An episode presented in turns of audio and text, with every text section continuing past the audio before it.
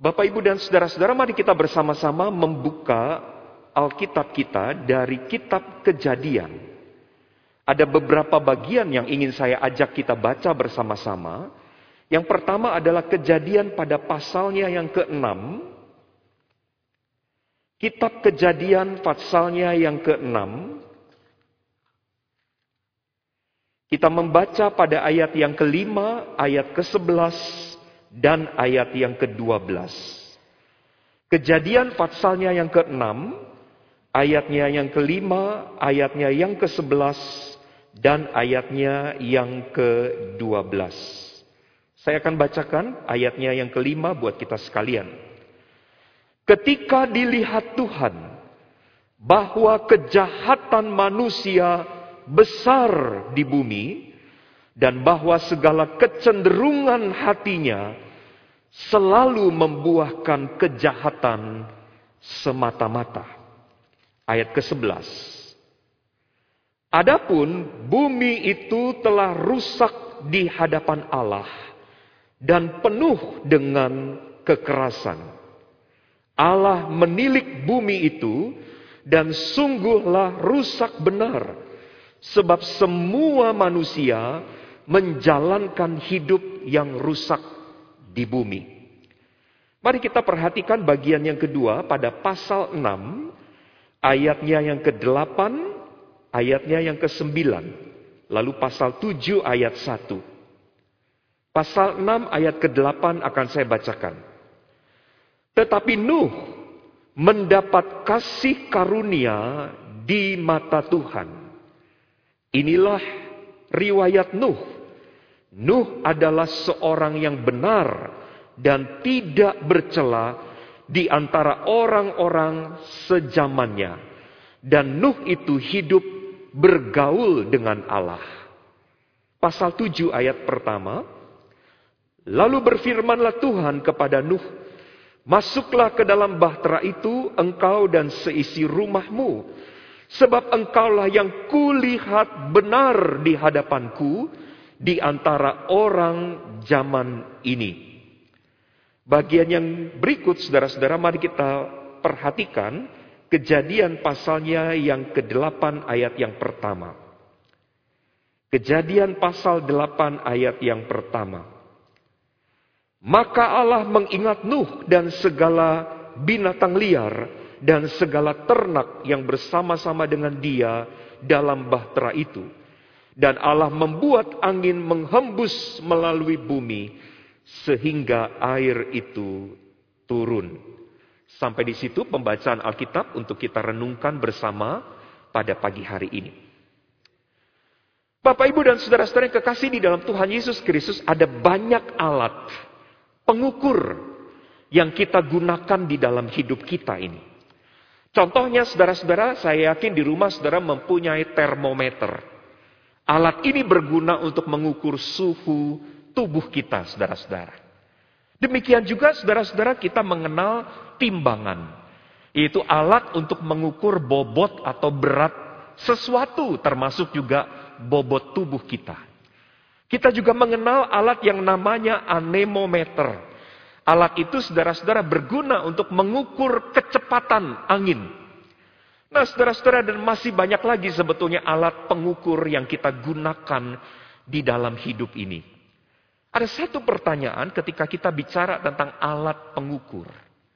Pertanyaannya adalah apakah alat untuk mengukur kesetiaan seseorang?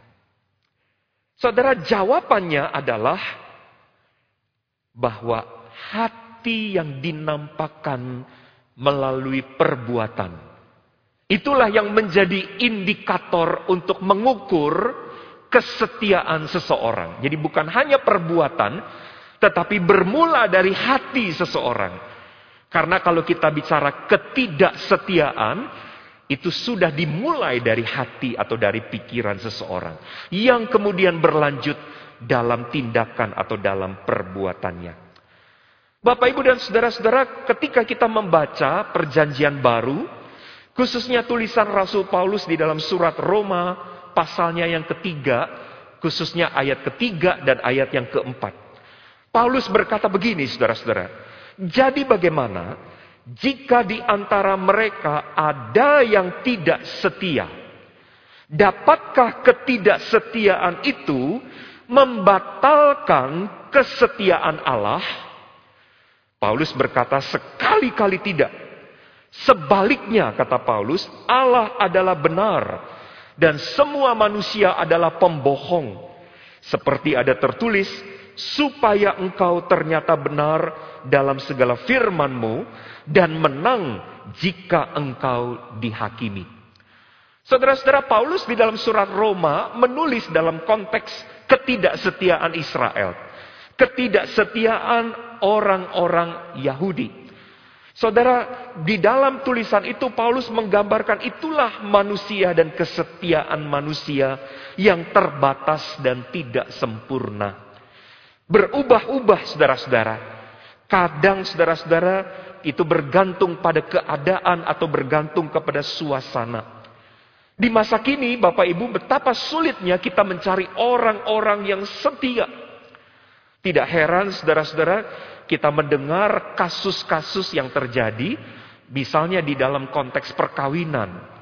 Ada banyak pasutri-pasutri yang kemudian kawin, cerai, karena peristiwa perselingkuhan misalnya. Di situ nampak saudara-saudara betapa sulitnya untuk menemukan orang yang betul-betul bisa setia. Di konteks yang lain, saudara-saudara, di dalam konteks pekerjaan, kita juga melihat, saudara-saudara, banyak terjadi pemberontakan atau kejahatan yang dilakukan bawahan kepada atasannya, kepada pimpinannya, oleh karyawan kepada pimpinannya, saudara-saudara. Saudara, mengapa bisa terjadi demikian? Jawabannya adalah karena memang manusia yang sudah jatuh ke dalam dosa, maka ketidaksetiaan adalah menjadi watak dari manusia yang sudah jatuh ke dalam dosa. Saudara penulis kitab Amsal mengatakan di dalam Amsal 20 ayat yang ke-6. Di situ dia berkata banyak orang menyebut dirinya baik hati. Tetapi orang setia siapakah yang menemukannya?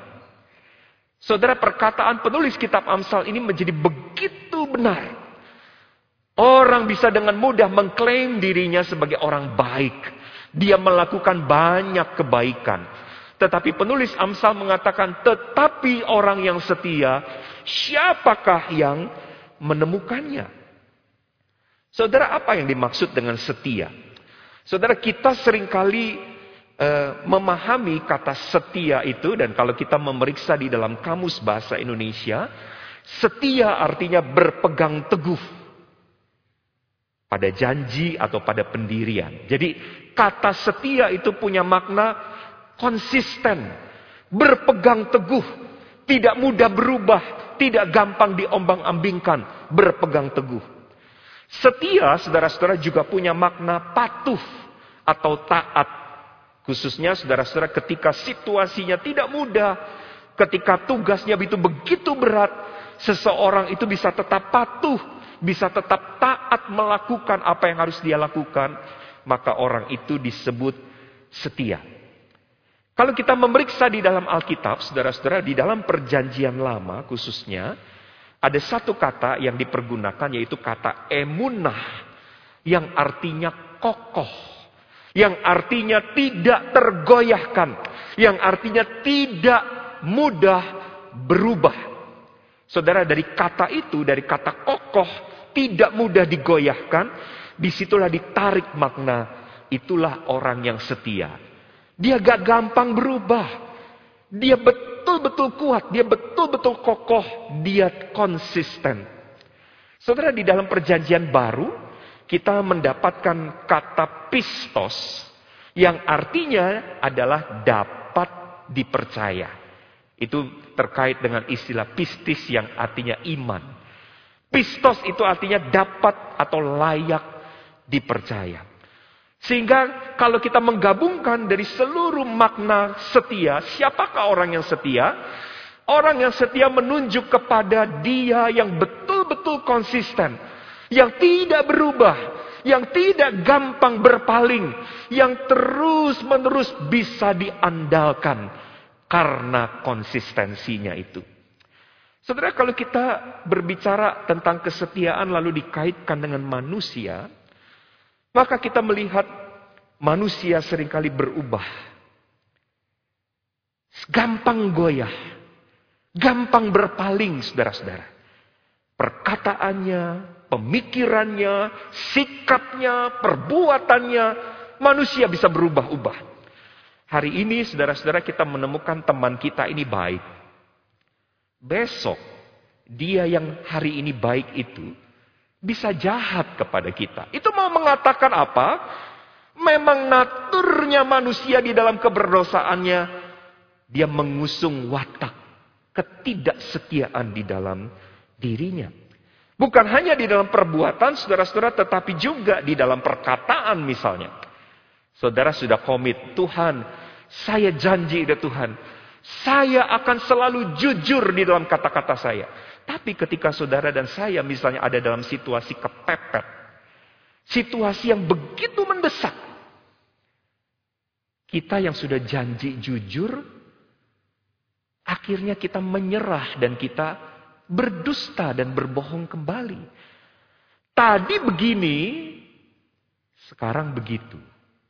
Janjinya seperti ini, kenyataannya besok begitu. Itulah ketidaksetiaan manusia.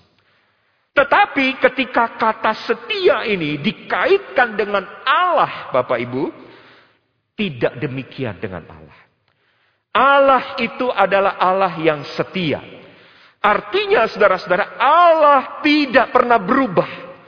Dan karena dia tidak pernah berubah, karena dia tidak pernah berpaling, maka dia itu dapat dipercaya, dia itu dapat diandalkan. Setiap janji Allah selalu dipenuhi. Bahkan setiap firman Allah selalu digenapi. Tidak ada yang tidak dipenuhi atau tidak ada yang tidak digenapi. Dan karena itulah kita dapat bersandar dan mempercayai Allah sepenuhnya. Kesetiaan Allah saudara-saudara tidak pernah berubah sekalipun manusia tidak setia. Pertanyaan Paulus di dalam surat Roma yang tadi saya bacakan, Paulus berkata begini, jika demikian ada beberapa orang yang tidak setia. Akankah ketidaksetiaan manusia ini membatalkan kesetiaan Allah? Paulus berkata, sekali-kali tidak. Bahkan kata Paulus, kesetiaan Allah tidak pernah berubah karena dosa-dosa kita. Oh Bapak Ibu ini satu kebenaran yang sangat indah. Justru sebaliknya ketika manusia jatuh ke dalam dosa, Allah mendemonstrasikan kesetiaannya kepada kita dengan mengutus anaknya yang tunggal, Yesus Kristus, menebus Bapak Ibu dan saya dari kebinasaan kita dan Kristus mau mati di atas kayu salib untuk kita. Paulus berkata kepada Timotius di dalam 2 Timotius pasal 2 ayat 13, dia berkata begini, jika kita tidak setia, dia tetap setia.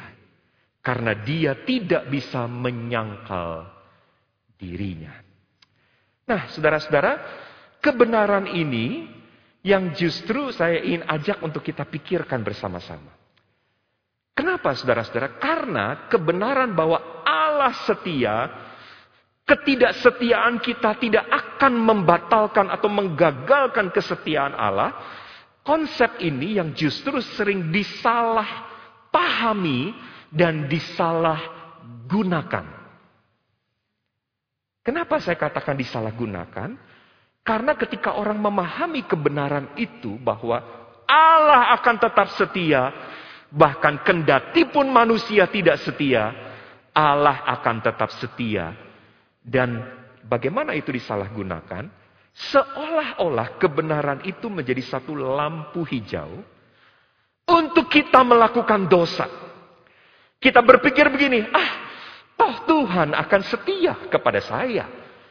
Kan Paulus bilang di dalam surat Roma tadi, Apakah ketidaksetiaan beberapa orang akan membatalkan kesetiaan Allah? Dan Paulus mengatakan sekali-kali tidak. Dan ada orang ketika memahami kebenaran atau prinsip itu, kemudian berpikir begini, kalau begitu, saya akan tetap bertekun, saya akan tetap melakukan dosa, saya tetap akan melakukan apa yang saya sukai, karena toh kesetiaan Allah tidak bisa dibatalkan oleh ketidaksetiaanku. Saudara-saudara, satu hal yang mesti kita ingat ketika kita membahas miskonsepsi ini, yaitu apa? Bahwa kesetiaan Allah tidak pernah merusak hakikatnya. Hakikat dia. Bahwa Allah adalah Allah yang setia, betul bahwa kesetiaannya tidak bisa dibatalkan gara-gara ketidaksetiaan manusia, betul. Tetapi hakikat Allah adalah dia juga Allah yang benar. Artinya kalau saudara berpikir, saya bisa tetap berbuat dosa, toh Allah pasti akan tetap setia kepada saya, harus diingat pada sisi yang lain, Allah yang setia itu adalah Allah yang benar. Yang saudara-saudara tidak akan berdiam melihat kejahatan. Saudara, bukan berarti Allah yang setia itu tandanya atau artinya Allah tidak akan menghukum pihak-pihak yang berbuat jahat. Tidak demikian. Allah yang setia sekali lagi adalah juga Allah yang benar. Dia adalah kebenaran. Maka saudara-saudara hukuman akan menjadi ganjaran atas dosa-dosa manusia. Dan Allah tidak pernah memberi ruang atau toleransi atas kejahatan. Nah Bapak Ibu hari ini saya mau mengajak kita belajar bersama-sama. Dari satu peristiwa yang saya yakin tidak asing lagi Bahkan tadi anak-anak sekolah minggu sudah menyanyikan cerita itu yaitu tentang Nuh. Dan bagaimana Tuhan menyelamatkan Nuh dan Tuhan menghukum orang-orang sejaman Nuh yang hidup di dalam dosa. Hal pertama yang ingin saya ajak dari bacaan yang kita sudah baca untuk kita pelajari saudara-saudara adalah ini. Allah akan memperlakukan setiap orang dengan benar dan karena itu kita tidak akan pernah bisa mempermainkan dia. Saya ulangi. Allah akan memperlakukan setiap orang dengan benar. Sebagaimana yang layak untuk didapatkannya. Dan karenanya kita tidak akan bisa mempermainkan Allah. Saudara di dalam bacaan kita, saudara-saudara kita melihat bagaimana Allah bersikap secara berbeda. Seolah-olah demikian kepada Nuh dan keluarganya dan Allah juga punya sikap terhadap orang-orang yang hidup sejaman dengan Nuh. Tetapi sebetulnya kalau kita melihat sikap Allah kepada dua pihak ini, saudara-saudara, adalah memang sikap yang betul-betul proper, yang memang pantas untuk dinyatakan Allah kepada kedua pihak ini. Artinya apa? Dalam bersikap Allah tidak pernah pandang bulu. Baik itu kepada Nuh maupun juga kepada orang-orang yang hidup sejaman Nuh. Sikap Allah ini adalah sikap yang dia nyatakan di dalam kebenaran dan keadilan terhadap dua pihak ini. Saudara kejadian pasal 1 mengisahkan peristiwa penciptaan. Tidak lama kemudian pada pasal 3 kita melihat di situlah peristiwa kejatuhan. Creation, fall. Penciptaan tidak lama setelah itu adalah kejatuhan. Kejadian pasal 6, pasal 7, pasal 8, kisah tentang Nuh ini berada tepat setelah peristiwa fall, peristiwa kejatuhan. Dan saudara lihat bahwa yang dicatat di dalam Alkitab begitu mengerikan tentang akibat dosa. Manusia bukan saja berbuat dosa. Setelah kejadian pasal 3, peristiwa kejatuhan, kebenaran Alkitab mau mengatakan manusia bukan hanya sekedar berbuat sebuah action yang disebut dosa. Tetapi akibat dari dosa ini, saudara-saudara, dialami oleh manusia di dalam satu keadaan yang sangat memprihatinkan.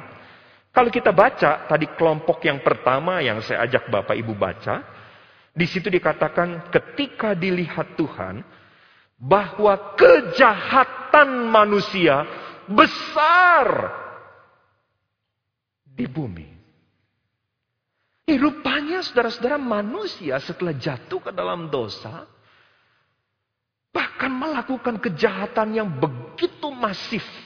Besar sekali kejahatannya dan dikatakan kecenderungan hatinya selalu membuahkan kejahatan, selalu membuahkan evil, inclination, satu kecondongan, kecenderungan hatinya selalu pada evil.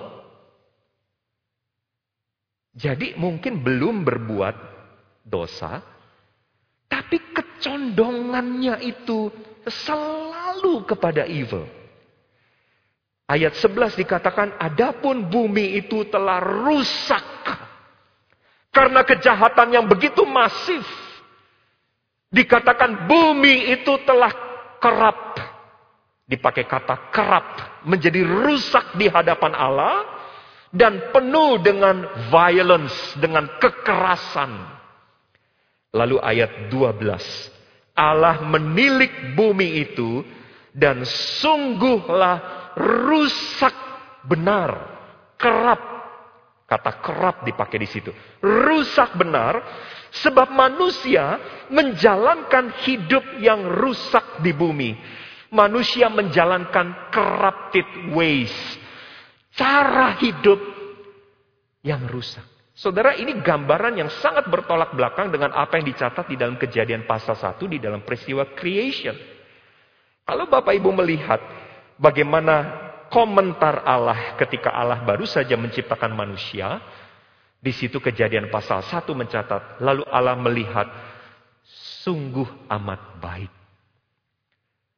Tetapi apa yang sungguh amat baik, tiba-tiba setelah melewati kejadian pasal 3, berubah kondisinya dikatakan, lalu Allah menilik bumi itu sungguh rusak benar.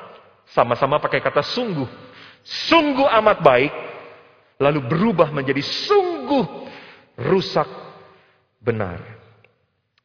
Saudara, ini sebetulnya kenyataan hidup di dalam dosa. Yang bukan saja sebuah perbuatan tunggal yang kita lakukan, tetapi dikatakan di dalam dosa manusia selalu digiring, dituntun, diarahkan. Itu dari kata kecenderungan hatinya ya. Selalu saja digiring untuk terus menerus berbuat dosa. Dan ketika Allah melihat manusia yang hidup pada zaman itu rusak luar biasa.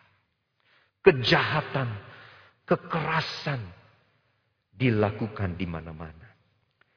Saudara saya akan bacakan Mazmur 36 ayat 4. Mazmur itu berkata begini. Kejahatan, ini bicara manusia. Kejahatan dirancangkan di tempat tidurnya. Ia menempatkan dirinya di jalan yang tidak baik apa yang jahat tidak ditolaknya. Saudara-saudara, ada orang yang sebelum melakukan perbuatan jahat, udah dari kamarnya itu pagi-pagi nih, dia udah mikir. Hari ini siapa kira-kira yang bisa aku tipu?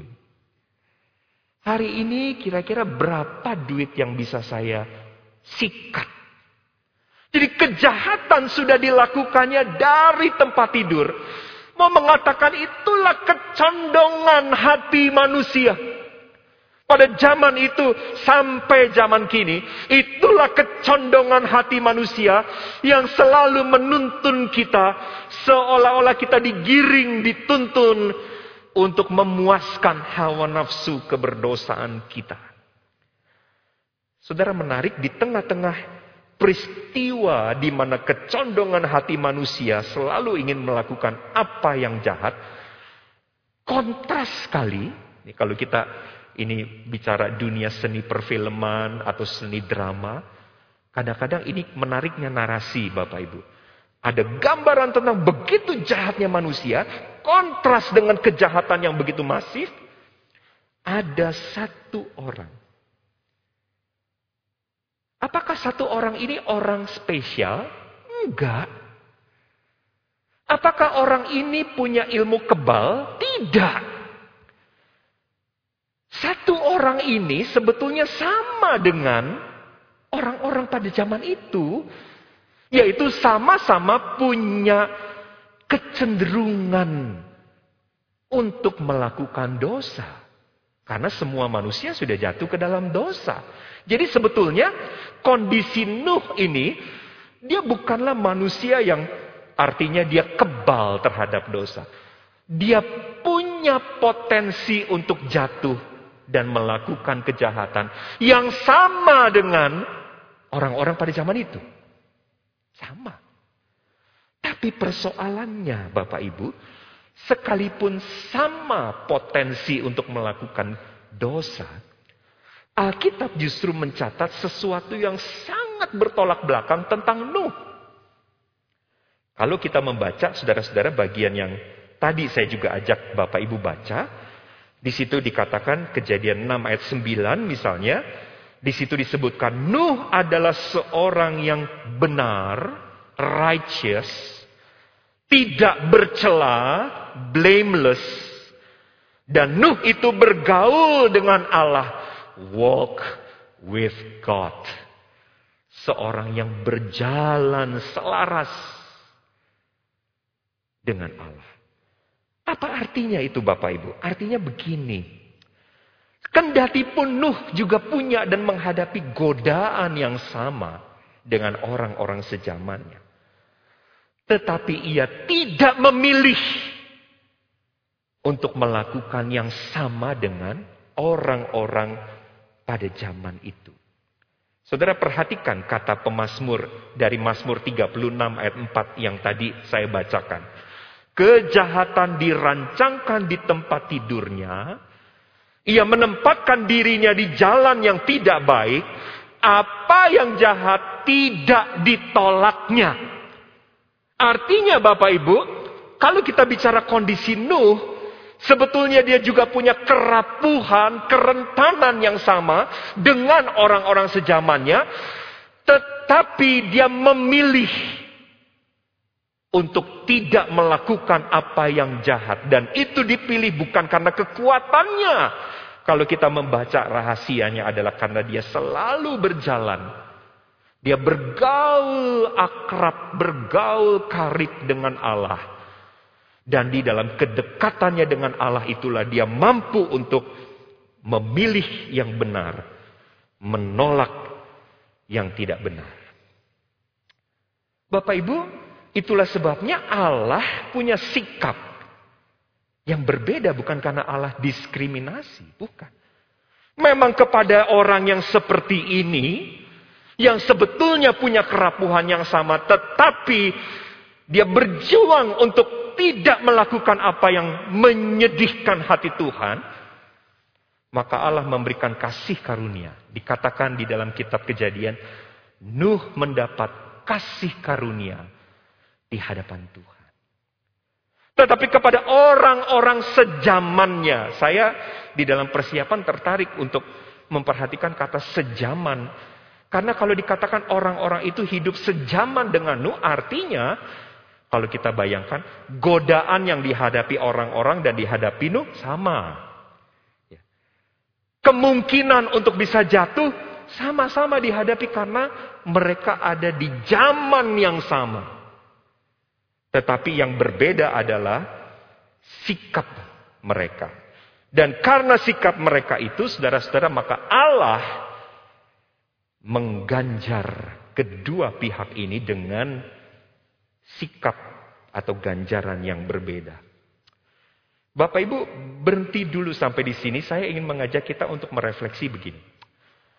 Saudara, di dalam kondisi Bapak Ibu dan saya hari ini, sejak kita diselamatkan di dalam Kristus, saya mau memperkenalkan apa yang Agustinus pernah ajarkan, seorang bapak gereja.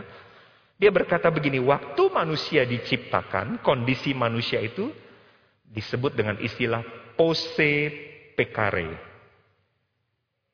Pose pekare. Memang manusia belum jatuh ke dalam dosa, tetapi dia bisa berdosa.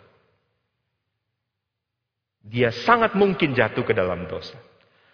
Setelah manusia jatuh ke dalam dosa, kondisinya disebut non pose non pekare. Tidak bisa tidak berdosa. Waktu kita belum mengenal Kristus, kita tidak bisa tidak berdosa. Karena kita adalah budaknya dosa. Tapi setelah kita ada di dalam Kristus, Agustinus mengatakan, kondisi manusia adalah pose non pekare. Bisa tidak berdosa. Waktu kita digoda, waktu kita diiming-imingi, baik itu di dalam hati atau di dalam pikiran kita, artinya apalagi dalam status bukan lagi jadi budaknya dosa, kita bisa memutuskan. Kita bisa mengambil pilihan kita bisa mengambil komitmen. Tidak. Seperti Yusuf itu. Godaannya sudah di depan mata dan di rumah itu sedang kosong. Gak ada orang yang lihat. Gak ada orang yang tahu kalau dia berselingkuh dengan majikannya. Tetapi Yusuf mengatakan tidak. Saudara-saudara Allah mengganjar manusia di dalam kebenarannya. Saudara tidak bisa, saya juga tidak bisa mempermainkan dia. Saudara dan saya tidak bisa berkata begini, ya Tuhan, saya ini memang lemah ya. Habis gimana ya Tuhan, godaannya besar. Memang godaan besar. Tetapi pilihan ada pada kita. Saudara mau pilih di dalam godaan yang begitu besar itu untuk tetap Sekalipun tadi dikatakan natur atau watak manusia berdosa adalah tidak setia. Apakah saudara akan pilih Tuhan? Saya akan tetap. Apa pun yang terjadi Tuhan. Saya akan tetap tidak akan melakukan hal itu. Sama seperti Yusuf. Atau saudara akan memilih menyerah. Karena kondisi kita disebut pose non poikare. Kita bisa tidak berdosa, tetapi di sisi yang lain, kita juga bisa menyerah kepada dosa. Tapi yang pasti dari tema kita pagi ini, Allah nggak bisa dipermainkan. Allah lihat si A atau si B, Allah akan mengganjar si A atau si B sesuai dengan apa yang memang pantas diterima. Nah, hal yang kedua, kita belajar yang kedua ini saudara-saudara tentang hukuman. Tema kita adalah hukuman dan kesetiaan Allah. Hukuman yang Allah tetapkan bukan hanya mau berbicara tentang kebenaran Allah. Tetapi juga hukuman berbicara tentang kesetiaan Allah. Ini menarik Bapak Ibu. Allah yang benar, saudara-saudara, bukan hanya tidak akan melakukan yang tidak benar, tetapi Allah yang benar juga tidak akan mentoleransi yang tidak benar. Saya ulang pernyataan ini. Allah yang benar itu, kebenaran Allah, membuat dia bukan hanya tidak akan melakukan yang tidak benar, tetapi dia juga tidak akan mentoleransi yang tidak benar. Artinya, prinsipnya jelas. Dosa pasti diganjar. Pasti dengan hukuman. Itu clear sekali saudara-saudara. Nah, tetapi saudara-saudara hukuman bukan hanya mau memperlihatkan atribut kebenaran Allah. Gara-gara dia punya sifat benar, kalau ada kesalahan langsung diganjar. Jadi hukuman bukan hanya berbicara tentang sifat Allah yang benar, tetapi hukuman juga bisa memperlihatkan sifat kesetiaan Tuhan. Loh, kok bisa begitu saudara-saudara? Karena sementara orang, saudara-saudara sering berpikir begini, seperti tadi saya sebut. Kalau Allah setia, dia tidak akan hukum saya. Kan Paulus bilang, ketidaksetiaan beberapa orang tidak akan membatalkan kesetiaan Allah. Jadi kalau Allah itu setia, maka dia tidak akan menjatuhkan hukuman atas dosa. Saudara-saudara, keliru betul. Sekali lagi keliru sekali pemahaman seperti itu. Kalau saudara bicara tentang Allah yang setia, tidak akan menjatuhkan hukuman. Keliru besar. Justru saat Allah menjatuhkan hukuman atas dosa, saat Allah menjatuhkan ganjaran atas ketidakbenaran, Justru itu memperlihatkan konsistensinya. Justru itu memperlihatkan sikap dan pendiriannya yang sesuai dengan sifat-sifatnya dan firmannya yang tidak berubah. Jadi sekali lagi kalau kita melihat dari perspektif atau dari kacamata yang lain, justru tindakan Allah yang menghukum atau memberikan kasih karunia kepada orang yang benar itu mau memperlihatkan Allah tidak berubah. Saudara tadi membaca, eh, mendengar penjelasan saya tentang apa arti kata setia, tidak berubah. Justru itu memperlihatkan konsistensinya. Bahkan penghukuman dapat juga dimaknai sebagai kebaikan. Saudara, dari mana kita melihat penghukuman sebagai kebaikan? Artinya kebaikan atau kasihnya yang selalu ingin menyadarkan manusia yang melakukan kesalahan untuk mengetahui kesalahan yang dia perbuat, untuk menyadari kesalahannya, dan untuk menghentikan dan segera meninggalkan kesalahan yang selama ini diperbuat. Saudara saya bacakan satu ayat di dalam surat Ibrani. Pasal 12 ayat kelima. Atau ayat keenam. Mulai dari ayat keenam bunyinya begini. Karena Tuhan menghajar orang yang dikasihinya. Dan ia menyesah orang yang diakuinya sebagai anak. Jika kamu harus menanggung ganjaran Allah memperlakukan kamu seperti anak. Di manakah terdapat anak yang tidak dihajar oleh ayahnya? Tetapi jikalau kamu bebas dari ganjaran yang harus diderita setiap orang, maka kamu bukanlah anak, tetapi anak-anak gampang. Selanjutnya, dari ayah kita yang sebenarnya, kita beroleh ganjaran dan mereka kita hormati. Kalau demikian bukankah kita harus lebih taat kepada Bapa segala roh supaya kita boleh hidup. Saudara penulis surat Ibrani mau mengajak pembacanya melihat dimensi yang lain dari sebuah ganjaran. Bahwa ganjaran yang diberikan Bapa justru itu adalah satu ekspresi cinta dari Bapak Supaya anaknya ini sadar kesalahannya dan segera menghentikan perbuatan salahnya dan meninggalkan itu dan kembali kepada jalan yang benar. Jadi Bapak Ibu dan saudara-saudara kalau begitu di bagian yang kedua ini kita bisa melakukan refleksi seperti ini. Kalau satu kali Tuhan mengganjar atau menghukum kita dari apa yang kita lakukan atau atau atas apa yang kita perbuat. Sekali lagi, itu bukan hanya berbicara tentang kebenaran, itu udah pasti. Hukuman Allah karena dia tidak bisa mentoleransi yang tidak benar. Karena dia adalah Allah yang benar. Tapi tindakan Allah menghukum atau mengganjar anaknya. Itu mau mengatakan Allah tidak pernah berubah.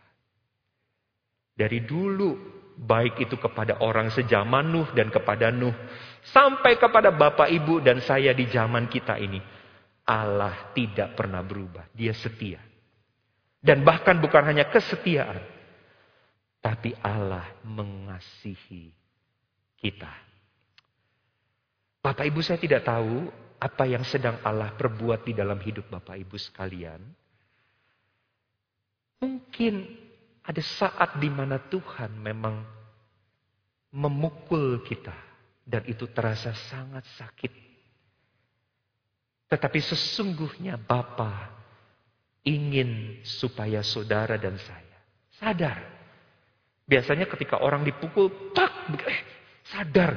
Iya, kenapa saya begini? Sadar akan apa yang kita lakukan yang tidak benar. Stop menghentikan apa yang kita lakukan selama ini.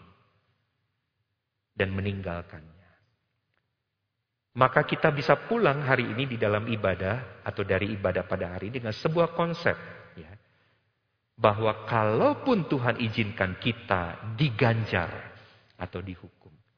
Sekali lagi itu tidak pernah kontradiksi dengan sifatnya yang setia dan mengasihi kita sebagai anak-anak. Nah bagian yang ketiga yang terakhir. Saudara kesetiaan tidak hanya dinyatakan lewat hukuman. Tetapi juga dalam kesempatan yang masih dia berikan. Saudara kita melihat bagaimana ketika Allah melenyapkan seluruh manusia. Saya baca perikop pasal 6, pasal 7 sampai 8, pasal 8 berulang-ulang dalam persiapan saya. Saya bandingkan dengan berbagai macam terjemahan, menarik sekali. Begitu detail penulis kitab kejadian ini, saudara-saudara melukiskan betapa sakitnya hati Tuhan melihat kejahatan manusia yang begitu masif itu sampai dikatakan semuanya tenggelam. Semua mata air terbuka. Lalu tingkap-tingkap langit juga terbuka. 40 hari, 40 malam. Bahkan dengan begitu ekspresif penulis kitab kejadian melukiskan Air itu naik sampai menutupi gunung-gunung yang tertinggi. Saudara curah hujan beberapa hari terakhir ini yang cukup tinggi sudah membuat jalan tol atau jalan-jalan di ibu kota ini tergenang kan. Gak bisa bayangin 40 hari 40 malam dari bawah dan dari atas airnya keluar. Kayak apa saudara-saudara? Penulis kitab kejadian mengatakan, semua yang mempunyai nafas kehidupan di hidungnya, mati. Mati. Tapi ketika Allah menghukum semua manusia, Allah selalu menyisihkan sisa. Saudara, remnant di dalam teologi itu satu tema yang besar. Sisa. Siapa sisa ini? Yang disisakan ini Nuh. Tapi dia mendapatkan privilege itu bukan karena Allah pilih kasih. Sekali lagi poin satu khotbah saya karena memang dia pantas diganjar itu. Sedangkan yang seperti teman-temannya dia pantas menerima ganjaran Allah yang Allah sampaikan kepada mereka. Nuh mendapat kasih karunia, dia beserta istrinya, ketiga anaknya, ketiga istri dari anak-anaknya, dan juga binatang-binatang. Tuhan berpesan, satu pasang satu pasang, yang binatang-binatang yang tidak haram sekian pasang, yang haram sekian pasang. Detail sekali, Tuhan menyisakan semua yang masuk ke dalam bahtera itu untuk apa saudara-saudara? Untuk memulai lagi kehidupan yang baru setelah peristiwa air bah. Bahkan bukan hanya sisa ini. Setelah peristiwa air bah, kalau Bapak Ibu baca di dalam pasal 8, di situ dikatakan Allah mengatakan aku. Aku berjanji tidak akan menghukum manusia dengan cara seperti ini lagi. Selalu akan ada musim menabur dan musim menuai. Selalu akan ada hujan dan panas. Selalu akan ada siang dan malam. Artinya Tuhan tidak akan melakukan apa yang dia pernah lakukan pada zaman atas manusia. Saudara Allah tidak pernah berhenti pada tindakan menghukum. Pintu kesempatan sekali lagi dibuka Selalu ada satu sisa atau satu celah atau satu pintu dari semua yang sudah dia tutup. Tapi ada satu yang dia buka. Allah tidak berhenti pada hukuman. Tapi Allah memberi kesempatan. Supaya apa saudara-saudara? Supaya kita menyadari kesalahan kita. Entah itu sebelum kita dihukum atau setelah kita dihukum. Bisa dua kemungkinan. Ya. Kadang-kadang kesempatan untuk kita lepat, luput atau lepas dari hukuman ketika Allah menyediakan kesempatan itu sebelum peristiwa ganjaran. Tapi bisa enggak Allah mengganjar kita, tetapi kemudian setelah itu ada pemulihan, ada kesempatan baru. Bisa. Saudara penghukuman, saya akan mengakhiri khotbah ini dengan uh, tiga hal tentang penghukuman. Penghukuman bisa membuat kita mengalami tiga kemungkinan. Yang pertama, kita dihukum, tapi kita tetap degil. Degil artinya apa? Tetap tidak mau bertobat. Tetap tidak sadar kesalahan. Tetap tidak akan meninggalkan kejahatan. Dan akhirnya kita hancur. Ada nggak orang yang seperti itu? Ada. Udah diperingatkan, bahkan sampai dihukum, tapi dia tetap degil. Akhirnya betul-betul hancur. Kedua, penghukuman, kemungkinan yang kedua bisa membuat orang pahit. Gara-gara didisiplin, ya, sama kayak anak, kalau bapaknya itu atau ibunya sampai pukul, ah, dia pahit sama bapaknya atau ibunya. Dia marah, karena kenapa saya dipukul? Dia nggak tetap nggak ngerti kesalahan dia. Tapi kemungkinan yang ketiga, justru penghukuman akan menuntun kita kepada tobat, yaitu mengambil kesempatan. Kalau itu terjadi sebelum penghukuman, atau bahkan setelah kita dihukum atau diganjar, maka penghukuman justru makin membuat mata kita melihat. Iya, saya harus tobat. Saya harus merubah hidup saya. Saudara, hari ini mari kita pikirkan dan renungkan apa yang Tuhan mau sampaikan kepada Bapak Ibu melalui perenungan kita atas peristiwa Nuh dan air bah.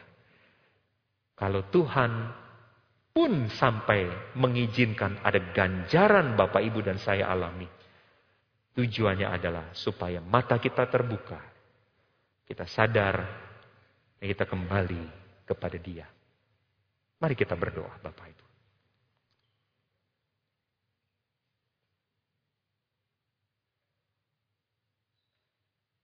Tuhan terima kasih untuk kesempatan kami merenungkan firman-Mu.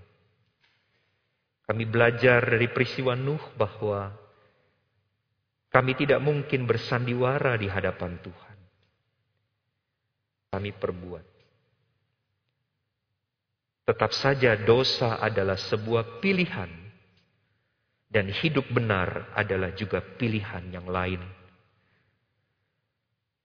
Sama seperti Nuh yang hidup di tengah-tengah zaman yang penuh dengan godaan Hari ini kami pun juga hidup di zaman yang penuh dengan godaan. Dan kami tidak bisa mengatakan bahwa godaan kami lebih besar daripada godaan pada zaman Nuh. Karena selalu ada pilihan disodorkan kepada kami. Apakah kami akan memilih setia kepadamu. Atau kami akan menyerah kepada dosa. Kami belajar hari ini Tuhan akan mengganjar setiap orang menurut apa yang layak baginya. Kami belajar bahwa penghukuman Tuhan justru itu memperlihatkan kesetiaan Tuhan yang tidak pernah berubah, tidak pernah ada hal yang berganti pada dirimu. Engkau tetap adalah Allah yang benar, yang tidak akan mentoleransi dosa. Dan tolonglah kami Tuhan, supaya kami pun belajar untuk melihat hal itu apabila Tuhan mengizinkan ganjaran kami alami. Bahwa masih ada hal yang baik yang Tuhan mau lakukan kepada kami. Yaitu supaya kami kembali kepadamu. Jangan keraskan hati kami Bapak. Sekalipun mungkin lewat penghukuman kami merasa sakit. Tapi biarlah kami terbuka matanya untuk melihat apa yang harus kami lakukan melalui teguran yang Tuhan berikan. Bersyukur untuk kebenaran firman Demi Kristus kami berdoa. Amin.